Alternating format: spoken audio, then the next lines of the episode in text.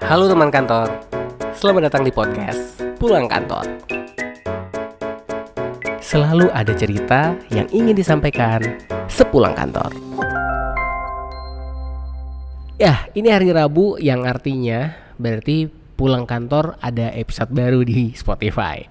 Nah, hari ini DP tuh mau cerita. Ceritanya bukan tentang cerita yang aneh-aneh, cuman hanya menceritakan tentang apa yang beberapa bulan ini DP rasain gitu. Karena di beberapa bulan ini banyak banget sih teman-teman kantor DP pribadi, teman-teman yang DP kenal gitu, mereka memulai kisah barunya di perusahaan yang baru.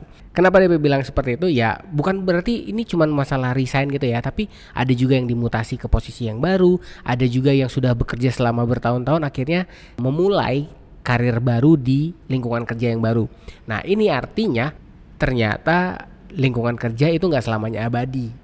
Dan mungkin teman-teman kantor yang dengar udah paham banget ya bahwa yang namanya kerja itu nggak ada yang abadi kecuali zaman orang-orang tua kita dulu ya. Orang-orang tua kita dulu tuh bahkan mereka yang pertama kali kerja ada banget ya yang baru mulai pertama kali kerja sampai akhirnya mereka pensiun mereka di tempat yang sama. Dan ternyata pada berdasarkan uh, salah satu artikel yang DP baca kalau kita ini kan yang ya mungkin teman-teman pendengar kalau DP lihat di statistik itu di angka 24 sampai 30 tahun lah ya itu kita tergolong di generasi Y atau generasi Y gitu ya. Generasi Y itu adalah generasi yang memang lebih suka menerobos apa sih namanya menerobos aturan-aturan lah gitu ya. Tapi mereka berharap dengan mereka menerobos aturan itu mereka menemukan satu solusi baru. Dan itulah yang banyak terjadi di kalangan angkatan-angkatan generasi Y. Mereka itu lebih ada yang cepat resign, ada yang juga terlihat potensinya sehingga mendapatkan posisi di suatu tempat atau jabatan tertentu. Nah, ngomong-ngomong tentang suatu tempat dan jabatan tertentu, tentu kalau kita bilang ya kalau kita anggap lah nih ya uh, orang yang baru memulai karir atau mulai baru memulai bekerja pasti punya yang namanya problem. Biasanya terutama untuk teman-teman yang baru mulai bekerja itu pasti ngerasain banget gimana ya caranya kita bisa memulai pekerjaan yang membuat orang di sekitar kita itu nyaman dengan kita bekerja. Nah, saking hati-hatinya kita, terkadang kita nggak sadar mungkin teman-teman kantor nggak nyangka bahwa ketika teman-teman kantor melakukan tindakan A gitu ternyata itu membuat teman kantor teman-teman di kantor yang baru ngerasa bahwa lu apaan sih? Lu lu terlalu over confidence dan lain sebagainya. Nah untuk membahas itu biar teman-teman kantor siapa tahu nih ya ada teman-teman kantor yang lagi mau mulai bekerja atau lagi menyusun strategi untuk pindah ke kantor yang baru atau sedang diberikan promosi untuk mengerjakan satu tugas yang baru kita coba sama-sama belajar gimana sih caranya kita memulai karir yang baru? Karena kalau kita memulai karir yang baru itu kelihatannya sepele gitu ya. Karya kayak kita ngelepasin bahwa akhirnya gue resign dari perusahaan yang lama artinya beban kerjaan gue itu jadi lebih ringan Hmm, mungkin, mungkin, tetapi kita nggak pernah tahu ya di kemudian hari akan seperti apa. Oleh sebab itu kita akan coba sama-sama belajar. Di sini DP ngambil satu artikel dari Glints. Apa sih kesalahan-kesalahan yang biasa dilakukan oleh karyawan baru atau orang yang baru memulai bekerja di perusahaan yang baru? Yang pertama, ada yang namanya ketidakjujuran ketika kita tidak mengerti sesuatu. Ini kesannya sepele gitu ya, kesannya sepele. Dasarnya sebenarnya adalah kita ingin menunjukkan performa dasarnya adalah kita pengen menunjukkan bahwa kita tuh bisa ngerjain ini. Tetapi yang perlu teman-teman ketahui di dalam lingkungan kerja itu ada yang namanya habit atau kebiasaan. Dan mungkin aja habit di sana mengharuskan teman-teman harus tahu dulu nih sebelum melakukan. Jadi ketika ditanya sama atasan gimana ada kendala nggak? Kalau ada kendala sampaikan aja jangan membawa apa yang menjadi habit kita mungkin di perusahaan yang sebelumnya atau habit kita yang ah kayaknya simple sih ini tinggal kerjaan gini-gini akhirnya teman-teman kerjakan dan dampaknya adalah teman-teman kantor malah menghasilkan sesuatu yang tidak sesuai dengan apa yang diinginkan oleh atasan atau apa yang diinginkan oleh rekan kerja teman kantor sekalian. Nah itulah berbahayanya kalau kita tidak jujur ketika kita baru memulai bekerja. Kalau misalnya kita nggak ngerti, tanya aja, nggak masalah kok. Nah, kemudian yang kedua yang harus teman-teman antisipasi ketika teman-teman kantor semua be mulai bekerja di tempat yang baru adalah kerja sama yang buruk. percayalah teman kantor, di mana pun teman-teman kantor bekerja, pasti teman-teman kantor akan bekerja dengan rekan-rekan yang ada di kantor teman-teman. Nah, baik itu bisa teman-teman yang sesama staff atau dengan atasan langsung. Terkadang di tahap awal ini kita kan pasti ngerasa bahwa waduh gua anak baru. Kalau gua sering nanya ntar malah dia PT dia kecewa dan lain sebagainya. Nah di situ adalah momen di mana teman-teman kantor harus melakukan introspeksi diri untuk mengenal dulu lingkungan tempat kerja teman-teman. Karena kalau kita berbicara tentang yang namanya kerjasama yang buruk, ini pasti hubungannya tuh dengan komunikasi. Ya kebiasaan yang mungkin teman-teman kantor miliki di kantor sebelumnya, komunikasinya ceplos-ceplos, tapi ternyata di kantor tersebut komunikasinya harus lebih sopan dan sebagainya. Nah itu harus teman-teman pelajari dulu ya. Yang membuat kadang-kadang kerjasama itu jadi buruk adalah gagalnya kita menyampaikan informasi dari teman kantor sendiri ke rekanan yang ada di tempat kerja teman-teman kantor saat ini.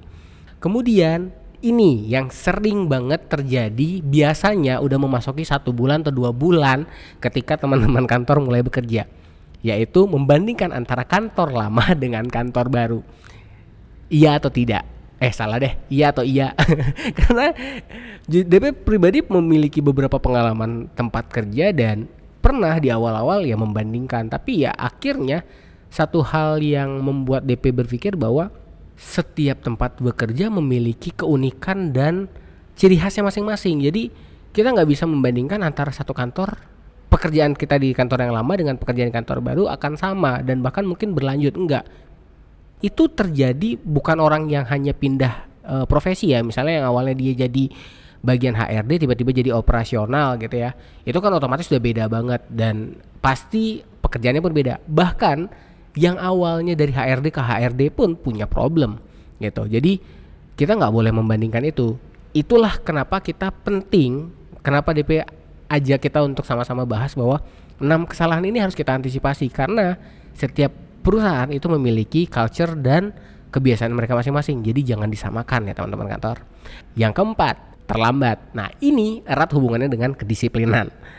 Kalau kita berbicara tentang yang namanya kedisiplinan, ini adalah tolak ukur atau faktor yang sering digunakan untuk menilai orang-orang yang sedang melakukan sedang dalam masa probation. Karena sesepele bukan sepele ya, mungkin sesederhana waktu itu adalah waktu berharga gitu ya. Pernah teman-teman dengar waktu itu berharga. Jadi kalau misalnya kita datang terlambat otomatis pekerjaan-pekerjaan kita yang harusnya kita sudah mulai kerjakan jadinya terbengkalai dan mundur mundur mundur mundur. Akhirnya dampak akhirnya adalah ke kinerja teman-teman kantor ketika teman-teman bekerja. Nah jadi tolong dihindari. Kemudian yang kelima berusaha mengerjakan terlalu banyak. Ini DP juga pernah alamin ketika DP bekerja sebagai seorang programmer merasa bahwa diri mampu, kemudian akhirnya semua pekerjaan DP kerjain. Akhirnya ngerasa bahwa, aduh tempat kerjanya nggak nyaman. Aduh kayaknya gue nggak bisa deh kerja di sini. Padahal itu karena kesalahan diri sendiri. Nah kalau kita memang belum mampu mengerjakan banyak taks sampaikan dengan baik. Makanya tadi disampaikan komunikasi itu penting Artinya tidak semata-mata ketika kita mulai bekerja di tempat yang baru kita mengiyakan semua pekerjaan. Kalau teman-teman kantor belum bisa, sampaikan belum bisa. Terus kalau dinilai kinerjanya belum baik, tunjukkan di job desk yang teman-teman kerjakan itu adalah job desk yang benar-benar teman kantor bisa selesaikan. Kalau tidak bisa selesaikan, diskusi dengan teman-teman. Tidak harus diskusi di depan umum, mungkin uh, diskusi dengan teman paling dekat dulu deh gitu, ngobrol uh, empat mata gitu untuk bertanya, minimal dapat informasi terlebih dahulu. Yang keenam yang paling berbahaya dari seorang karyawan baru yang baru memulai bekerja di tempat yang baru adalah kurangnya inisiatif ini pasti akan menjadi ya kalau tadi kita bilang terlambat itu adalah dari faktor kedisiplinan.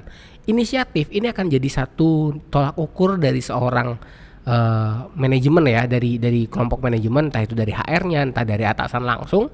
Inisiatif itu adalah sesuatu yang biasanya membuat atasan atau rekan kerja kita itu jadi klik sama kita. Kenapa kok bisa DP bilang seperti itu? Karena dengan kita melakukan inisiatif itu kadang-kadang ada nilai plus di sana eh ternyata kamu bisa desain ya eh ternyata kamu jago ya buat buat PowerPoint kamu jago ya buat presentasi itu muncul dari inisiatif-inisiatif sederhana makanya teman-teman kantor yang mulai bekerja di tempat yang baru semakin teman-teman kantor males untuk explore, semakin teman kantor menutup diri di tempat yang baru, ya hasilnya adalah teman-teman kantor sendiri yang akan dirugikan karena itu akan berpengaruh pada kinerja atau penilaian dari apa yang teman-teman kerja kantor kerjakan. Enam hal tadi adalah satu hal yang ya mungkin dari beberapa kesalahan-kesalahan yang terjadi tapi ini adalah enam hal yang lumayan sering terjadi bagi karyawan-karyawan baru. Beberapa waktu yang lalu DP punya teman ya yang baru baru aja memulai uh, berada di posisi yang baru. Awalnya dia merasa wah gue kok uh, dimutasi ke sini ya? Padahal gue masih nyaman loh di sini kenapa gue dimutasi gitu. Akhirnya merasa bahwa aduh gue dibuang dan sebagainya. Tapi ternyata setelah dijalani beberapa waktu yang bersangkutan memiliki kesempatan untuk menjaduki posisi yang bagus. Itu artinya apa ketika kita menghindari kesalahan-kesalahan ini kita akan mendapatkan satu apresiasi yang mungkin uh, kalau kita wah masih DP ingat banget tuh episode uh, new unlock achievement ya. Jadi kayak kita punya satu achievement baru bahwa wah akhirnya nggak nyangka ya gue bisa mengerjakan pekerjaan ini. Nah itu kalau kita sudah mencoba. Tapi kalau misalnya gimana ya kalau misalnya kita terlanjur nih kita udah terlanjur melakukan beberapa kesalahan coba teman-teman lakukan. Ini DP juga ada ngambil uh, artikel lagi dari aksiku.com ya. Jadi blog.aksiku.com ada enam hal yang harus dilakukan oleh karyawan baru pada masa probation. Siapa tahu buat teman-teman yang baru memulai karir, juga teman-teman yang baru pindah ke perusahaan yang baru, jadi punya insight nih. Wah, kalau kemarin saya ternyata melakukan kesalahan, berarti apa yang harus saya lakukan selanjutnya? Ya kesalahannya udahlah anggaplah itu sebagai pelajaran. Jangan terlalu e, berlarut-larut pada meratapi kesalahan tetapi kita cobalah untuk kita sama-sama belajar. Next kita mau buat apa sih gitu. Nah yang pertama coba kita belajar untuk mendekatkan diri dengan atasan. Kenapa kita wajib mendekatkan diri dengan atasan? Karena dengan kita dekat dengan atasan kita akan lebih mengerti karakter atasan kita. Kita akan lebih tahu apa sih yang diharapkan oleh atasan kita dengan kita mengenal atasan kita, dengan kita memahami apa yang menjadi apa yang diharapkan, itu nanti akan membantu teman kantor untuk menyelesaikan atau me menuntaskan ya tugas-tugas yang diberikan sehingga teman-teman kantor bisa menyelesaikan tugas dengan baik. Kemudian yang kedua, apabila misalnya atasan, wah atasan saya sibuk DP, uh, eh, terus gimana dong? Ya udah, coba perbanyak komunikasi dengan senior Nah dulu DP punya pengalaman yang unik sih sebenarnya. Atasan DP itu nggak mau DP berkomunikasi dengan senior. Alasannya adalah karena dengan DP berkomunikasi dengan senior, artinya DP akan banyak diarahkan ke jalur-jalur yang nggak benar menurut atasan DP. Padahal berdasarkan pengalaman DP pribadi, itulah yang membuat DP bisa bekerja sampai detik ini. DP banyak dapat insight dari senior-senior karena terkadang yang terlihat dari apa yang dilihat oleh sen, uh, atasan ke senior hanya hal-hal negatif mungkin ya bukan gak, negatif juga ya maksudnya kayak mungkin ya ah dia udah tahu kuncinya jadi dia tahu gimana caranya mengerjakan ini dengan cepat jadi yang harusnya dikerjakan 3 jam 15 menit kelar jadi dua setengah jam dia bisa jalan-jalan gitu. Nah itu ada aja pengalaman seperti itu tapi tidak ada salahnya teman-teman apabila teman kantor ingin uh, belajar dari senior. Karena sekali lagi yang sudah banyak tahu tentang aktivitas di tempat kerja teman-teman yang baru ini adalah senior-senior teman-teman kantor sekalian. Kemudian selanjutnya yang ketiga, pelajari tentang perusahaan. Terkadang ya kalau sama kayak buat podcast ya, kalau buat podcast itu PR yang diberikan adalah pada diri sendiri ya. Pada diri sendiri adalah do your homework. Artinya kita harus mengerjakan tugas kita. Tugas kita ngapain sih? Research. Kita harus mencari tahu, kita harus nulis sehingga ketika kita mau menyampaikan informasi, informasinya kita sampaikan dengan baik dan benar gitu. Nah, kalau ketika kita memulai bekerja di tempat yang baru, kita cuma tahu kulitnya doang tanpa kita mempelajari perusahaannya. Alhasil kita akan merasa kecewa. Karena sering banget ada yang namanya kekecewaan karena wah gua kira perusahaannya perusahaan besar tapi ternyata ketika gua masuk bobrok banget dalamnya. Karena apa? Dia tidak mengetahui bagaimana perusahaan itu berkembang, bagaimana perusahaan itu tumbuh.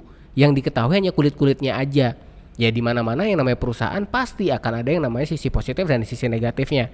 Tinggal bagaimana cara kita bisa menerima sisi negatifnya untuk kita perbaiki. Siapa tahu dengan kehadiran teman-teman kantor sekalian di perusahaan yang baru ini, teman-teman kantor bisa menjadi nilai tambah sehingga hal-hal yang tak awalnya negatif dengan teman kantor ada di sana menjadi satu sisi positif yang berdampak bagus untuk perusahaan teman kantor sekalian. Kemudian yang keempat, nah impactnya ya dari tadi ketika sudah kita belajar tentang uh, perusahaan kita, ya kita berikan kontribusi yang terbaik yang kita bisa berikan.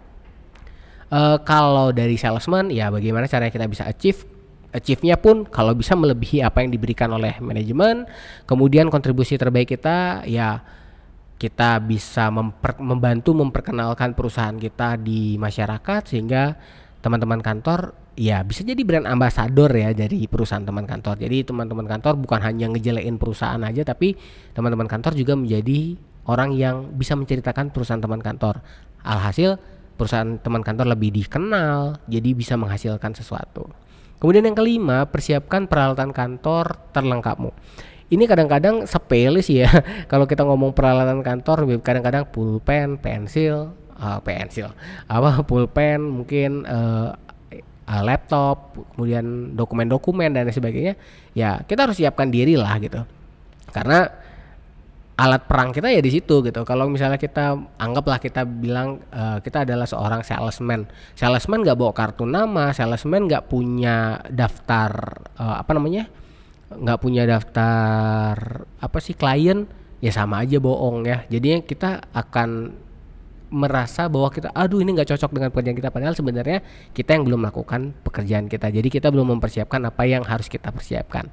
Itu jadi tadi ada lima hal yang harus teman-teman persiapkan ya.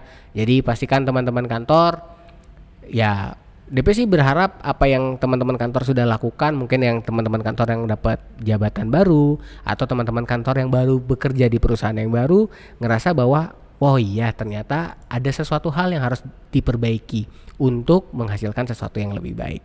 Berhubung ini udah masuk di pertengahan bulan lebih dikit sekali lagi DP mau ingetin bahwa di akhir bulan nanti pulang kantor gajian akan hadir kembali jadi teman-teman kantor yang denger podcast hari ini teman kantor silakan tungguin episode minggu depan apa sih yang menjadi tugas teman-teman untuk mendapatkan saldo e-wallet sebesar 50.000 sama ya. Saldo e-wallet 50.000 lumayan tuh buat teman-teman. Modalnya cuma gara-gara dengerin podcast ini doang ya.